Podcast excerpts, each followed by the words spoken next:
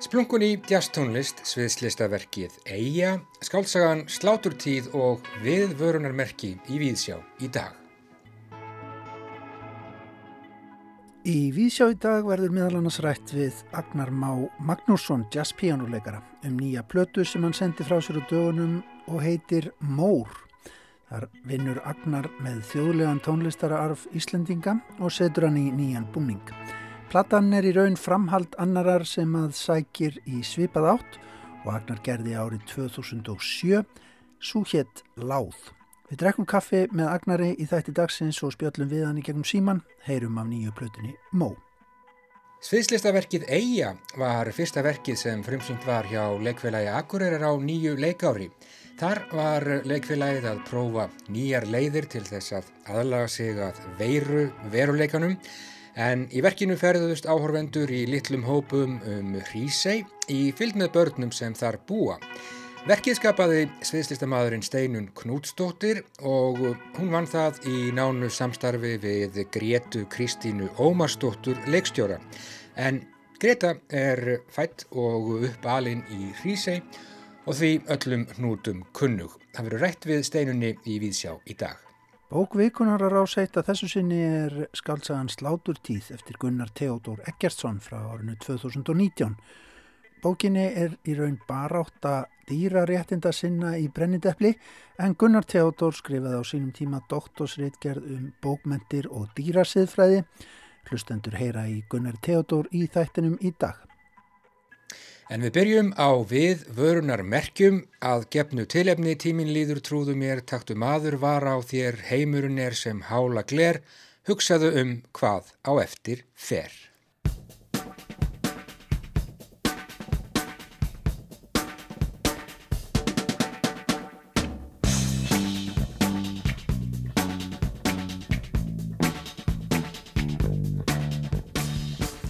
Jæja, þar kom að því ágætu hlustendur það sem byrjaði sem þjóðsaga frá Kína er nú orðið að veruleika okkar síndir orðina reynd hér og nú. Engin átti vona á því, allir áttu vona á því, þetta var með öðrum orðum yfir vofandi.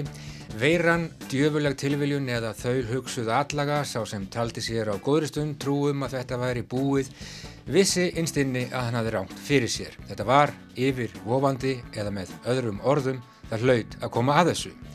Þeir eru til sem spá laungum vetri, erfiðum vetri og ekkert verði búið fyrir en það er í raun og veru búið og þá meina ég búið og það sé langt í að þetta verði búið, í raun og veru búið. Svart sínustu menn eru nú þegar farnir að afskrifa árið 2021.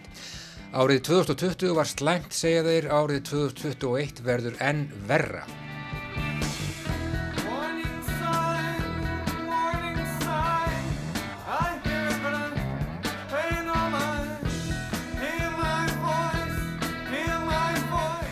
Menn segja jólinn í uppnámi. Það komi önnur bylgja á eftir þessari og svo önnur og loks enn önnur. Bóluefnið muni láta býða eftir sér og þegar það loksins finnst þá muni þurfa að geima það í svo sem eins og 70 gráðu frosti í svo sem eins og 7 mánuði. Það má einu gilda hversu lengi þú talar um ógefuna, hún hverfur ekki, orti gríska skáldið Kavafi, heimurinn sekkur, haltu þér fast, hann skilur þig einan eftir í sólinni orti annað gríst skáld Georgió Seferis. Það er ekki eins og það hef ekki verið búið að vara okkur við. Kanski er ekkert stef þrálátara í vestræðni menningu en óttin við yfirvofandi endalók, hamfarir, heimsendi og dauða. Bókmyndirnar eru stútfullar af við vörunum, kannski eru öll meiri áttar listaverk, misvel dölbúnar við varanir, kannski segja þau öll við okkur, það er eitthvað yfirvofandi, hafðu varan á þér, maður, það er eitthvað yfirvofandi. Tímin líður, trúðu mér, taktu maður var á þér, heimurinn er sem hálagler, hugsaðu um hvað á eftir fer. Það er alltaf verið að vara okkur við einhverju, jafnvel sannfara okkur endarlega um að þetta sé allt saman algjörlega vonlaust þótt í dimmu sé risið dagar engu fyrr eins og þar segir og svo framvegis. Það er alltaf einhver djöfullin yfirvomandi og það er búið að vara okkur svo oft við og með svo margvíslegum hætti í gegnum aldirnar og ár þúsundin að í raun og veru ætti ekkert að koma okkur á óvart, nákamlega ekki neitt. Það sem kannski helst kemur á óvart er hversu illa við erum undir það búin þegar ógjafan mætir á svæðið.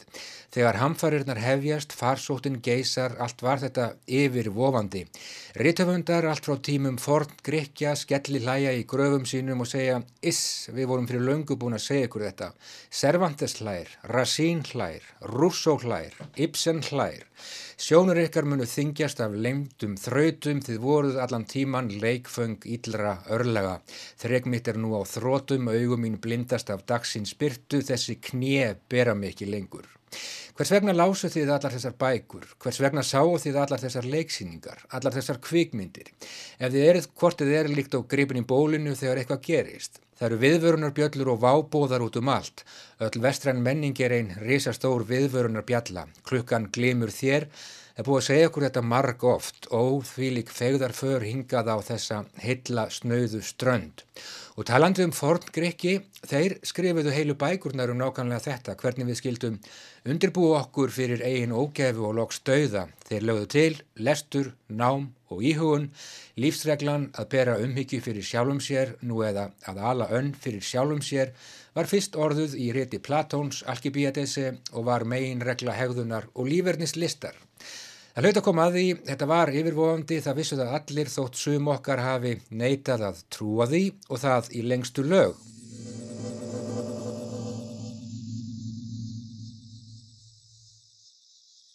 Það búið að skella öllu í lás. Hústýragarðurinn er lokaður, rakarstofur eru lokaðar, sundlugar eru lokaðar, sólbastofur og spilavíti.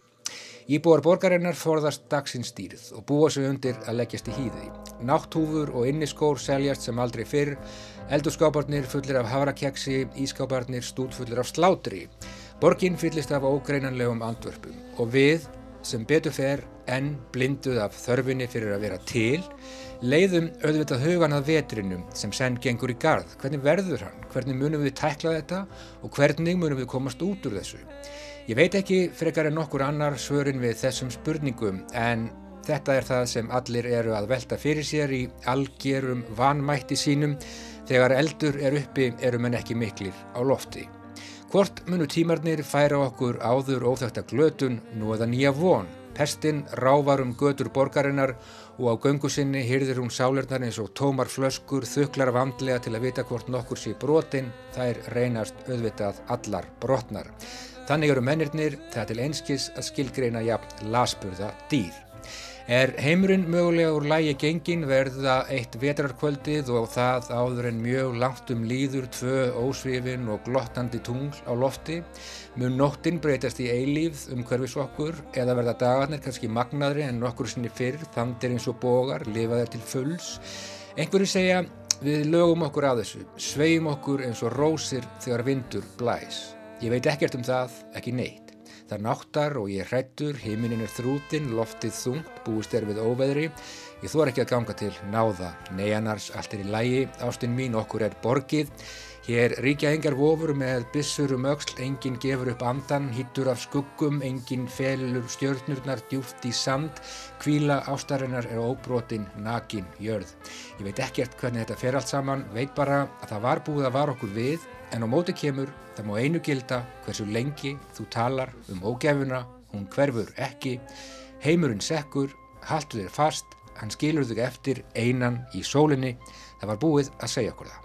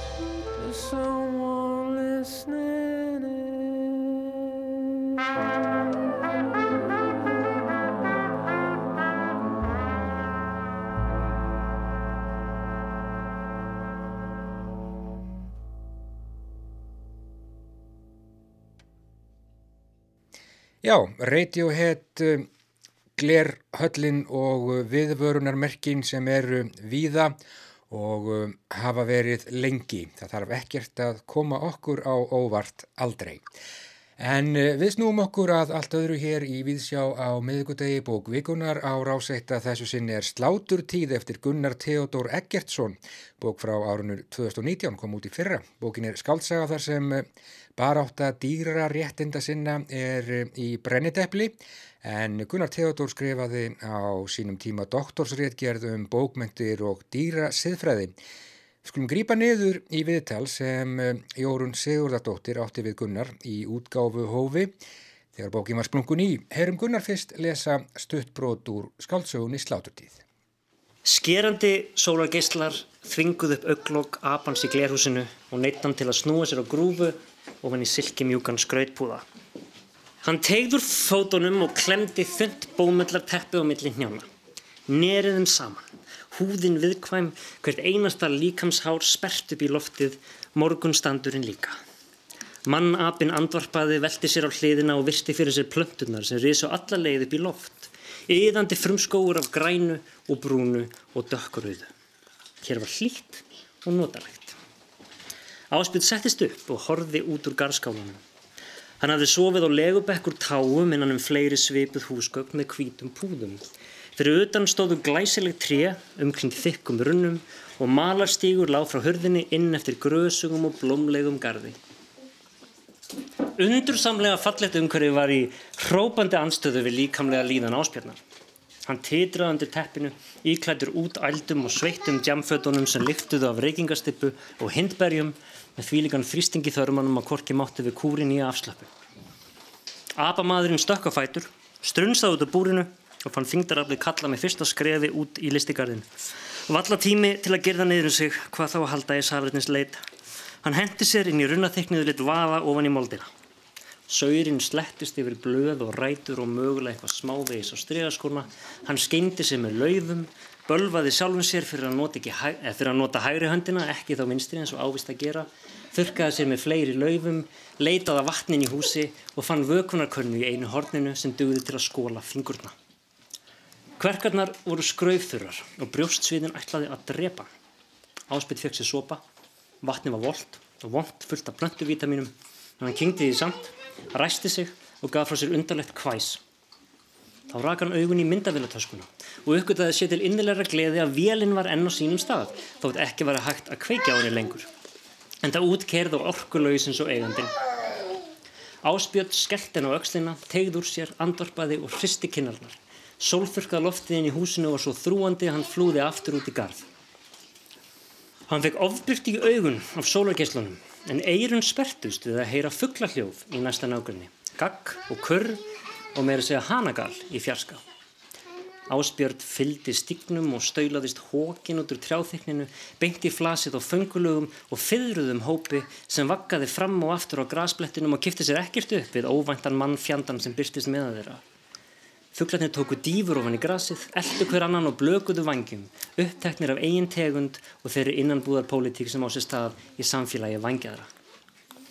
Áspjörn nuttaði augun til að vennja spyrtunni, horði í kringum sig og nuttaði aftur með hraði þegar hann sá kú sem stóð álindar með starðarnar geit á bakinu. Hún jarmaði og horði vígarlega til hann sem kýrin beit gras eins og ekkert verið eðlilegra en þessi ferfætti og höguskeggjaði bakpóki. Áspjörn namn staðar og hlustaði á hnegg og gælt, gagg og baul, rít og jarm renna saman í sveita sinfoni og allt umkring. Hann reikaði stefnuleust um þennan hústýragar sem virtist engan enda ætti að taka. Dýrin ráfuði frjáls innan um trí og grösugar lendur og ekkert er að síndi honum minsta áhuga. Hann kom að stóri tjörn, þar sem ferfællingarnir svöluðu sér og fann sjálfur Þorstan blossa upp. Áspjörn gekk hægum skrefum upp á nokkrum svínum sem lágu við tjarnabakkan og böðuði sig í solríkri drullu begði sér niður á hníjan og draup höfði til að drekka. Þegar hann rétt aftur úr sér sá hann glitta í geysistort hús á bakvið trjáþyrpinguna. Hann tók stefnuna á siðminninguna og gekk fram með enn fleiri dýrum á leiðinni. Sum hverju vistust að hafa verið illa særð og jafna sig, grísir með ör, þrýfætt kind, vangbrotin hæna.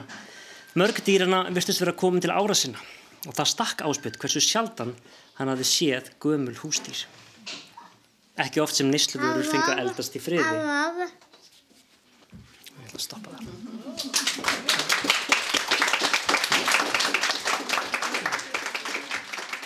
Gunnar Theodor Eggertsson las hér brotur upphafi og brotur síðasta hluta nýrar skáldsögu sinnar og þeirrar fyrstu sem ætluð er fullornum.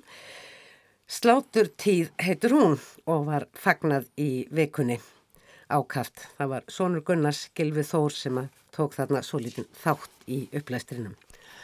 Þetta er mikil skálsaga Gunnar Theodor og kannski ekki flókin sem slík en efni sem þú valið að fjalla um það er í raun ansi flókið og þú nálgast það frá ólíkum sjónarhóttnum og um, þetta efni mættu nú kannski nefna ymsum nöfnum en kannski bara einfaldast að nefna það framkoma manna við, við dýr. Já, það er þessi stóra spurningum, já, samband mannfólks við önnur dýr, dýrasiðfræði mm. er eitt nafn. Um, ég hef verið að kynna mér dýrasiðfræði núna í ykkur 15 ár. Uh, fyrst bara sem áhuga maður og svo fór ég að sérhafa mig í þessu í, fyrst í mastersnáminu og, og svo í dóttorsnáminu og uh, að lokum komst að því að það væri til fræðigrein mjög lítil en örtvaksandi sem heitir á ennsku Animal Studies og ég hef kallað svona menningarlega dýrasiðfræði mm. það sem maður er að skoða þá samband okkar við dýrin eins og það byrstist í gegnum menningun og hvaða áhrif menningin hefur á hugmyndur okkar um ákveðin dýrum, tegandir og, og svo framvegis og kvikmyndir og bókmyndir og myndlist og allt mögulegt mm. um, Ég gerir áþeirra að það hafi svona reynst þér til til auðveld ákverðun að gera aðal personuna að kvikmyndagerðamannið. Þú hefur jú verið með pisla hér á rása eitt jú, um kvikmyndir og kvikmyndatónlist og hvaðina. Já, ég og, kann ekki kvikmyndagerð en uh, ég lærði kvikmyndafræði í Hollandi sem líka er náttúrulega stórt sögusvið bókarinnar. Vissulega. Um, Meirluti bókarinnar á sér stað í Hollandi og mér fannst skemmtilegt að reyna að tengja kvikmyndirnar inn í þetta og leika mér svona svolítið að því að láta personuna vera að lýsa einhverju, einhverju sjónrænu sem hann heitlast af í gegnum texta og, mm. og, og, og blanda þessu svona saman að vera að tala um kvikmyndir í rituðu máli. En burt séð frá dýravendinni sem er náttúrulega eh, gríðarlega mikið tema. Já hvernig við komum fram við dýr Já, í vestrænu samfélagi og bara kannski for... öllum samfélögum og já. njótum okkar steikur. Já, já, sínilega og ósínilega og, og uh, forgangsröðunin líka mm. um hvaða dýr hljóta virðingu og, og, og upphafningu og hver ekki og hvers vegna ekki og þetta eru svona þessar klassísku stóru spurningar dýrasiðfræðinar. En svo er þetta líka, ertu mikið að velta fyrir þér sko viðbröðum, þú veist, hvernig getum við í rauninni hegðað okkur rétt því þetta er líka almennsiðfræði sem mm -hmm. þú mhm. svona velta fyrir þér í bland. Já, já, og ég menna eins og maður hefur lesið mikið, mikið, mikið að dýrasiðfræði þá er hægt að greina ansi mikið en það er volið erfitt að koma með skýr svör um hvernig hvernig hægt sé að hafa áhrif við að breyta hlutunum þegar við búum í siðmenningu sem er, er reist á baki fórnardýra og, og yðnaður sem er svo stór í heiminum að, að hann er allt í kringum okkur. Það er senast nefn í bókinni það sem að áspjötn aða persóna er að horfi kringu sig og, og reyna svona sjá dýrin sem ekki bara á matadiskunum heldur í vakslitunum sem stelpur á næsta borðir að teikna með og, mm. og jafnvel í koparnum í tölvunni sinni og og ilmefnunum í sambúinu sínu og alls mm. konar mm. af, því að, af því að þau eru svo víða og þetta er svo stort og, og í sögun, náttúrulega saga mín snýst alls ekki heldur um að reyna að koma með svör uh, við, við þessu en, en miklu frekar að velta upp eins mörgum hliðum og, og ég gat og, og ég mitt reyna að vera með personur sem að eru svona kljást við þessi mál á ólíka vegu og ganga náttúrulega mjög langt sem er ganga ansi langt og aðrir hérna og, og áspilni er náttúrulega svona svolítið leitandi að reyna að skilja þetta og hefur sjálfur aldrei íhuga dýr að, neinu ráði áður. Nei, þannig að hann er að reyna átt að segja þessu. Þegar maður byrjar að uh, hvað maður að segja, opna hugan fyrir dýrum eða, eða einhvern veginn spyrja þessi spurninga þá er það er fátt um svör en það koma fleiri og fleiri og fleiri spurningar mm. og fleiri þræðir og mann langar að einhvern veginn tala um allt mögulegt. Því að dýr eru út um allt og, og tengjast okkur allstaðar Jórun Sigurðardóttir ræti þarna við Gunnar Theodor Eggertsson höfund skáldsögunar Sláturtíð sem er eh, bókvikunar hér á ráseitta þessu sinni. Gestir auðar aðalsteinsdóttur í eh, þættinum á sunnudags morgun verða þær Brynhildur Björnsdóttir og Erla Völudóttir þýðandi. En þá heldum við norður í land. Sviðslistaverkið Eija var fyrsta verkið sem frumsýnt var hjá leikfélagi Akureyrar á nýju leikári. Þar var leikfélagið að prófa nýjar leiðir til að aðlaga sig að veiru veruleikanum en í verkinu ferðuðust áhörundur í litlum hópum um Rísei í fyllt með börnum sem að þar búa. Verkið skapaði sveislistamæðurinn Steinun Knútsdóttir og var nún það í nánu samstarfi við Gretu Kristínu Ómarsdóttur leikstjóra en Greta er fætt og uppælinni í Rísei og því öllum hnútum kunnug í eiginni. Verkið Eija er hluti af stærri rannsók sem að steinun vinnur nú að í doktorsnámi sínu við háskólan í Lundi. Gíja Holmgistóttir rætti við steinunni, fekk insýnin í verkið, Eiju og forvitnaðist um rannsóknir steinunar. Eija er upplifunaverk, myndi ég segja, eh, sem að fjallar um hvaða þýðir að vera á Eiju og með öllu því sem að það fylgir. Eh, þú veist, öll tengsl sem að hefur við eiguna eh, við eh, samfélagið og við sjálfa sig líka. Og náttúru. Og í þessari upplifun sem er bóður upp að þá er eins og hvernig áhorfandi sem er þessu tilfelli við hvernig bara gest. Að þú kemur og er gestur og siglir út í Rísei sem er þá hérna takmynd eigunar Þú ert farfugl. Þú flýgur. Með öðrum, mörgum öðrum. Þú ert einn af þeim. Þú flýgur á milli heimsálfa, söður og norður, vestur og austur, yfir haf og land, á leiðinni að heiman, á leiðinni heim. Allur heimurinn er heimilið þitt. Inn í verkinu þá ertu í samtali.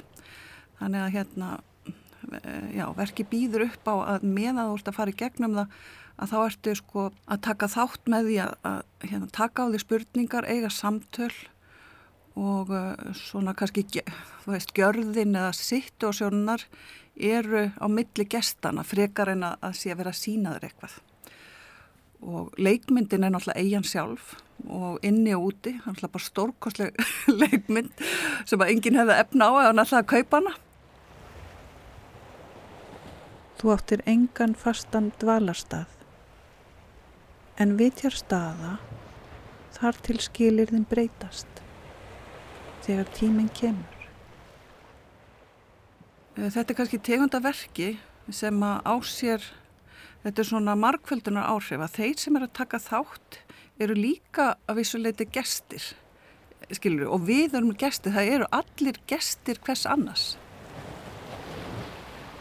Þú býrði við þeim hæfileika að geta flóið Þú velur þér góðan stað að búa á og flytur þig um set þegar aðstæður breytast.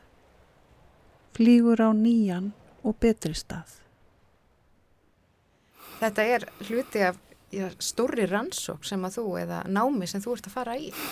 Já, ég er sérstaklega komin í, ég er í doktorsnámi í Malmö eða sko nánatilteki vil hérna í, já, í Lundarháskóla. Já, háskólaninu Lundi og þar er ég hérna að gera svo kallar listrannsókn, sko doktorsverkefni mitt er uh, listrannsókn, þannig að hérna, ég er ekki að fara í doktorsnám í fræðum heldur í að til dæmis að þróa og, og hérna, skrásetja aðferðir og áhrif aðferðarinnar.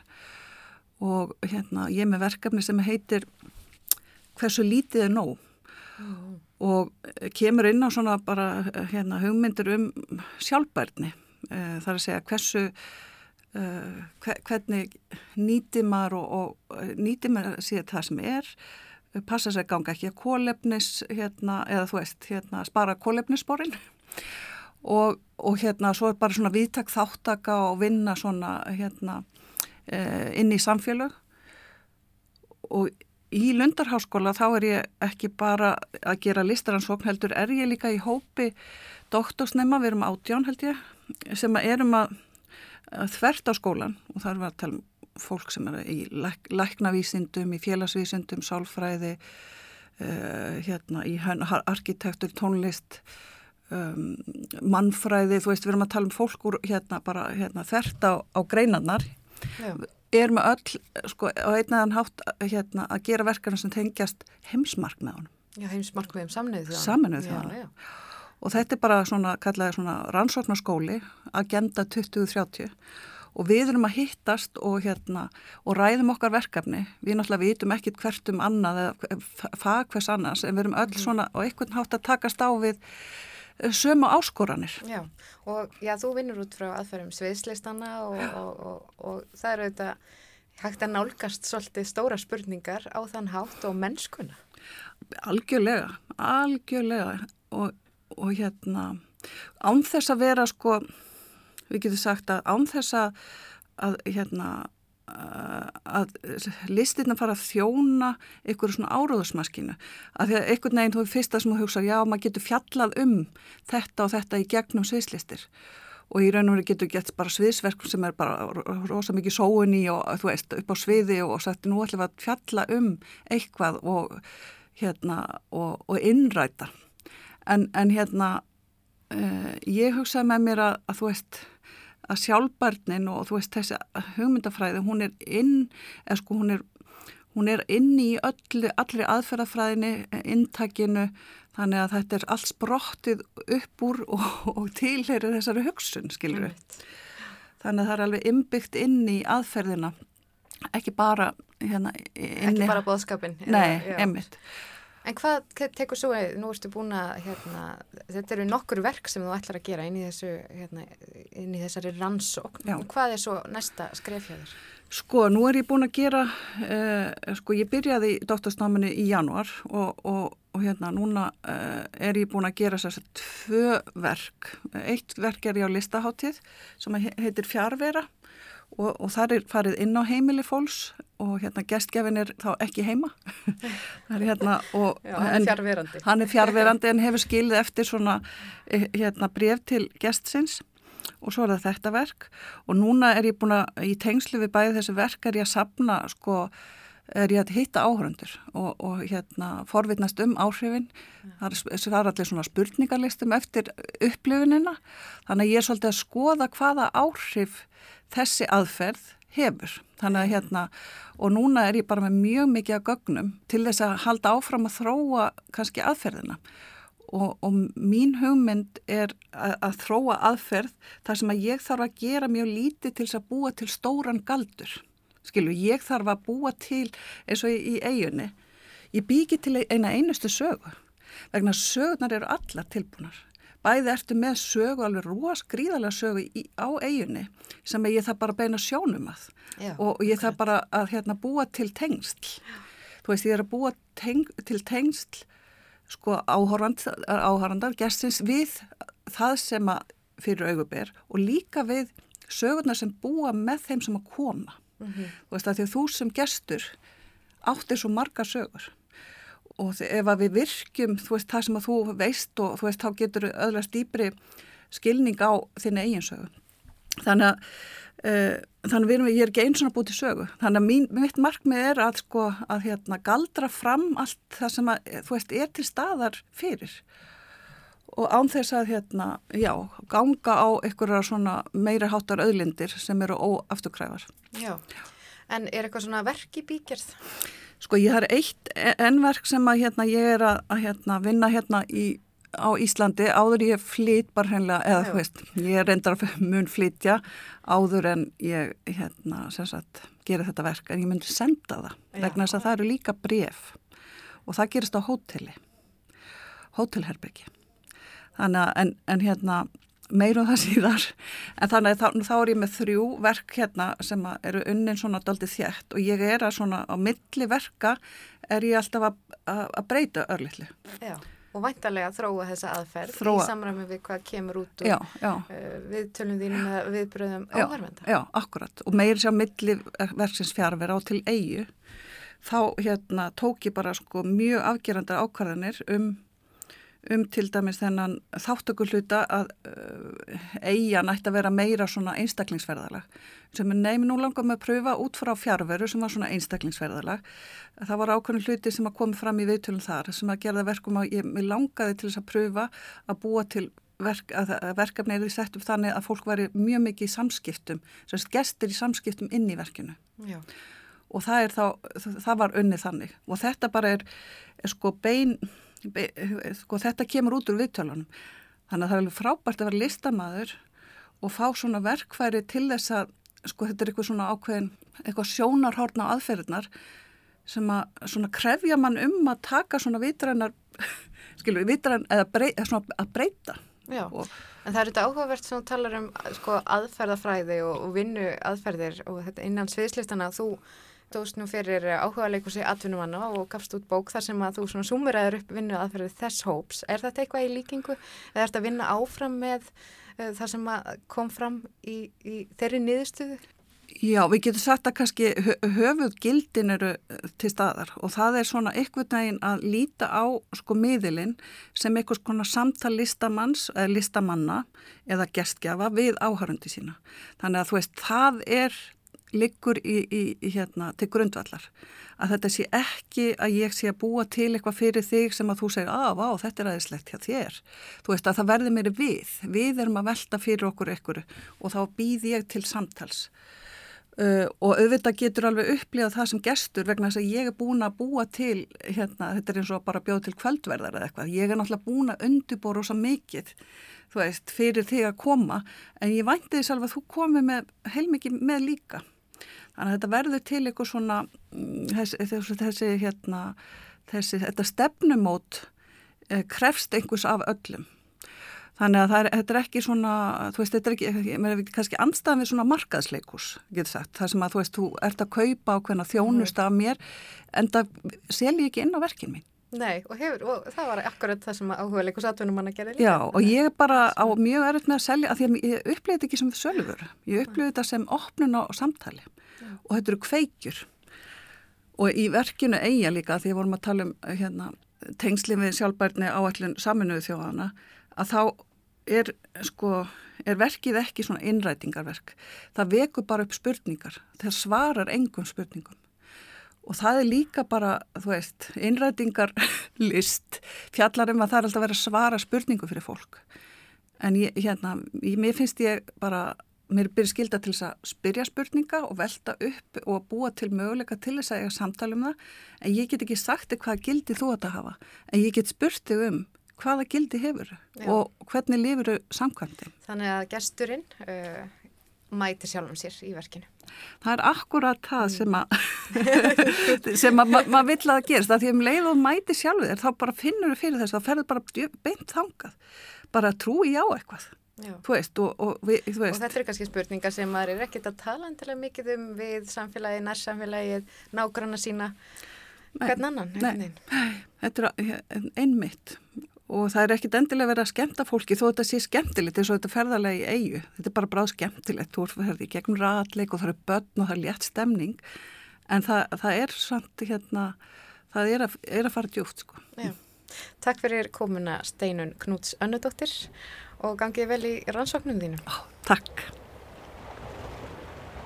Það sem skiptir máli er að það sé nóg að fæðu.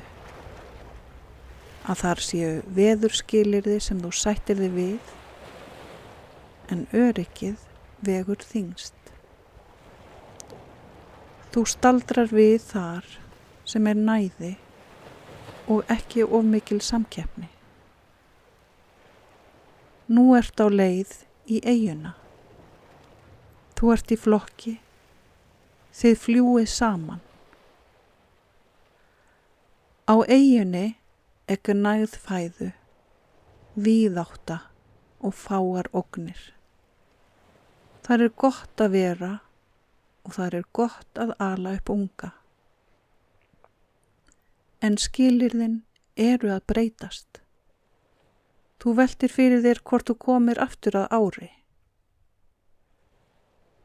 Þú ert farfugl. Þú flýgur. Og þarna undir lokin herðum við hljóðbrot úr verkinu Eyju eftir steinunni Knútsdóttur sem gestir hlustuðu á meðan ferjan sildi með þau út í Rísei.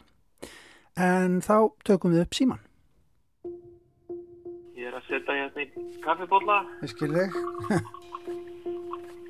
Já, ok, það heyrist allt. Já, ég veit. Erðu, hérna...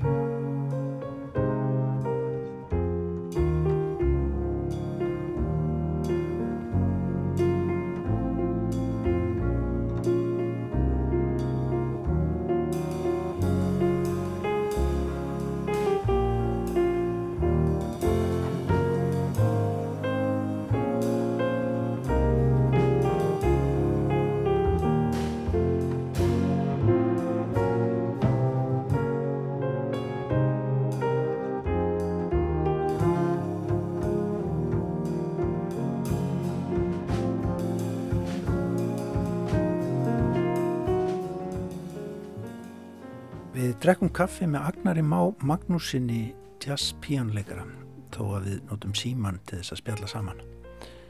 Agnar sendi nýverið frá sér nýja plötu sem að heitir Mór. Þar leikur hann tónlist sem er innblásinn af íslenskum tónarfi aldana. Við forvetnuðumst um plötuna. Þetta er þess að, má ég alveg segja þetta sé bara framhald af plötu sem ég gerði í 2007 sem heitir Láf og hérna, þetta er sama tríó sem sagt með Mattiasi Hemstokk og, og hérna Valdimar Kolbett Sigurðarsson er á, á bassa, Matti á trömmur. Svo sem sagt skrifaði ég hérna fyrir blásarsveit og ofan á tríó upptökuna. Þetta var sem stundin þannig að fyrst voru að tekið tríóið og reynda að finna góð, góðar tökur sem að sem allir voru sátti við og síðan fór ég bara með þetta heim og skrifaði fyrir blásara kvartett og fekk fjóra mæta menn úr symfóníinu til þess að spila þetta yfir. Og það sem að ég var svona að gera þeim tíma því gerði fyrirblötuna sem sagt að ég hérna fór að skoða bara svona þennan þjóðlega arf sem að hérna var eitthvað sem að, að, að kallaði kannski sterkar á mig þegar maður var búinn að búa í útlandum í einhver tíma og kemur aftur heim og, og hérna fer þá svona að skoða hvað hvað það er sem að er sérstakt við að vera vera hérna frá þessu það skeri.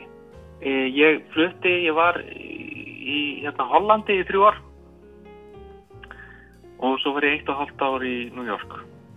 Já, sérstaklega, ég, þegar ég var hérna í sér New York dölminni þá gerði ég mína fyrstu blötu uh, með eiginlega bara drauma bandinu mínu. Þeir tveir einstaklingar sem ég hefði sett eftir á listan voru tilbúinir að gera með mig blötu sem er mér hægt algjörlega súriðali og hérna og þannig að það var svona smá byggð þarna eftir þá blötu að, að, að ég gerði eitthvað meira svona undir mínu eigin nafni að því að, að ég spurni, ég vissi ekki hvað hva maður ætti að gera næst sko, það var eiginlega bara já, þetta var svona upplifun sem var erfitt að, erfitt að toppa sko. Þannig að hérna, en svo kem ég heim og þá hérna kemur þetta tóttið til mín að, að maður ætti um kannski bara að binna eh, þjóðlega arfin eitthvað. Þannig ég fór að hlusta á, á rýmnasöng og, og ég fór að hlusta á svona íslenska tónlist ímiskonar, Jón, Jón Leifs og yfirleitt fleira. Og hérna ákvað bara svona að, að reyna að gera alveg rann íslenska jazzblötu og hún bara held ég að við bara tekið berlega því að ég svona annarlega er ég mikið að hlusta á mína músika eftir ég hef búin að koma inn frá mér. Maður er búin að liggja yfir þessu og orðin hundlegir á efninu. Loksins þetta kemur út þannig að ég heyrði þessa plötu eitthvað tíu árum eftir hún kom út.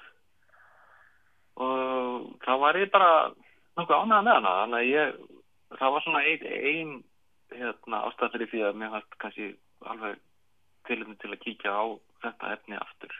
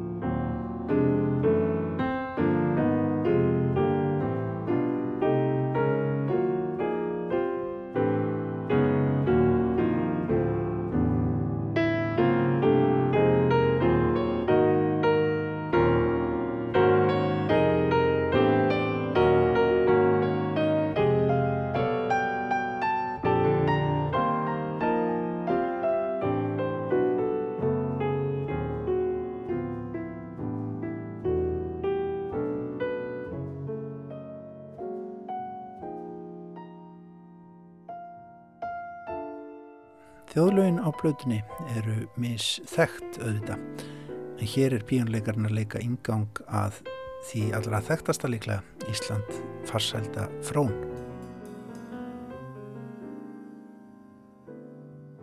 Sko þegar maður svona fer í, eins og þú lýsir þessu sínum tíma, þú ferði eiginlega í hálgerða endumendun þegar hvað varðar íslenskan tónarf. Svona, hver, hversu svona Hversu gjöfult er það? Hvernig svona, þetta að, að takast á við það sem að aldeitin hafa skilið eftir sig, sem að er stóð til?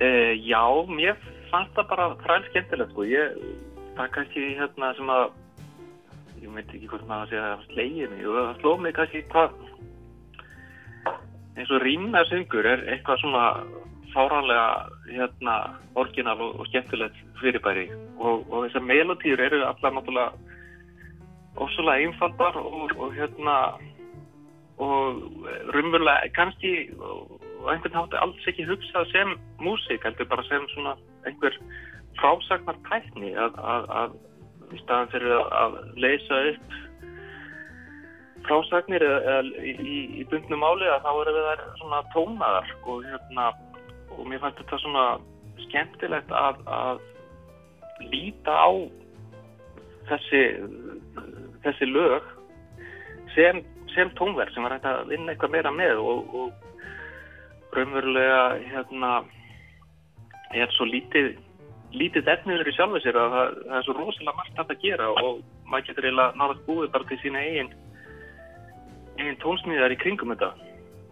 En þegar þú verður fyrir einhverju sérði eitthvað sko stekkur það þá á þig sem já, sko þetta er jazz. Er það það sem þú segir við sjálf á þig þegar þú sérði eitthvað Ég, nei, kannski ekki þannig sko. Ég, ég sé þetta meira bara sem svona ráðefni sko. Bara, þú veist, hérna, það er eitthvað, það er eitthvað í ykkur melodíu sem að maður sem hefði, ok, það er, þetta er áhugavert, þetta er skemmtilegt. Hérna, og svo reynir maður bara, þú veist, stundu ger ég margar aflöfur að ég að reyna að finna einhverja leið til þess að búa til eitthvað úr, úr tiltekinni melodíu og stundum bara hendi í öllu saman á endanum og, og bara snýmur eitthvað öðru en hérna en eins og ég segi, stundum er þetta þú veist, þetta er svo það knappur efnið að, að, að, að maður getur náttúrulega til farið hvað átt sem er neða og, og hérna, þetta er bara svona mitt síðan að dæma hvort mér finnst að virka ekki sko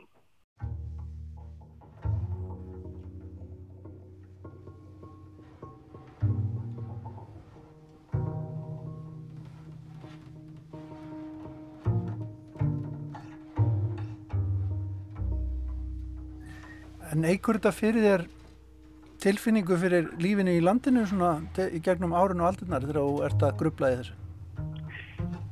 Já, ég held að það sé nú óhjákvæmilegt sko. Það er svona að skynja einhverja baðstofur einhver starf sem hefur verið að, að flytja þetta.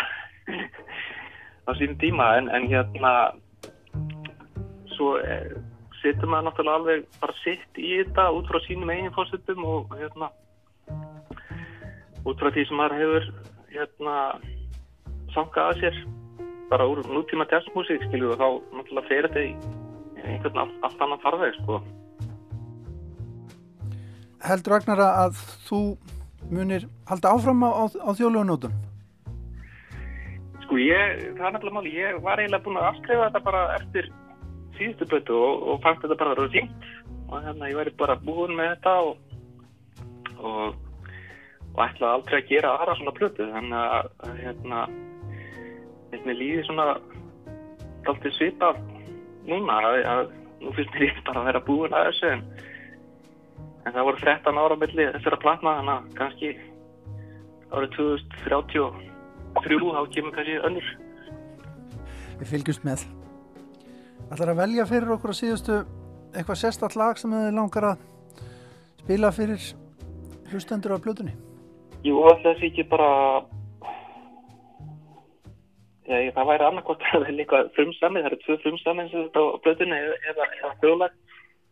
Ég myndi segja bara blástjarnan held ég, þjóðlag. Sko þetta er nú eitthvað sem ég kynntist bara á því að spila þetta undir hjá kór einhvern tíman. Ég veit að Ragnhjóð Gröndal hefur tekið þetta upp.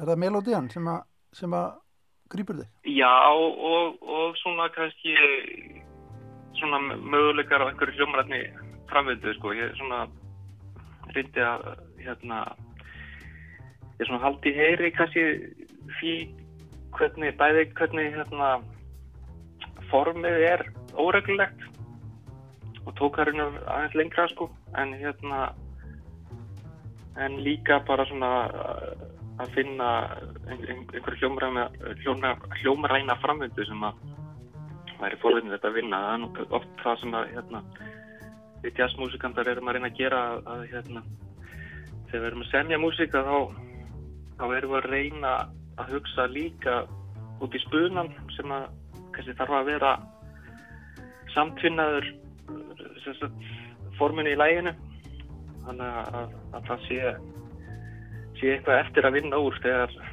laglínaflutningi líkur.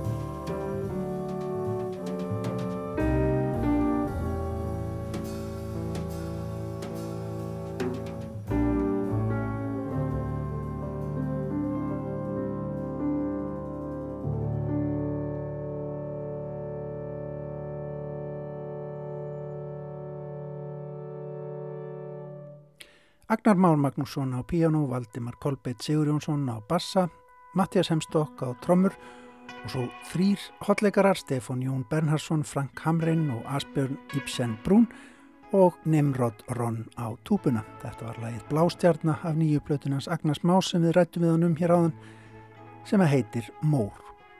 Og þannig ætlum við að ljúka viðsjá í dag. Við verðum hér aftur á morgun, löst eftir klukkan fjögur og já, gerir þá ráð fyrir því að við fjöllum um nýjan Nobels verðluna hafa í bókmyndum en það verður tilkynnt í Stokkólmi í fyrramálið fyrir hátegi hver lítur Nobelsverðlun í bókmyndum árið 2020 meira um það á morgun en við segjum þetta gott í dag. Takk fyrir samfélgina. Verðið sæl. Verðið sæl.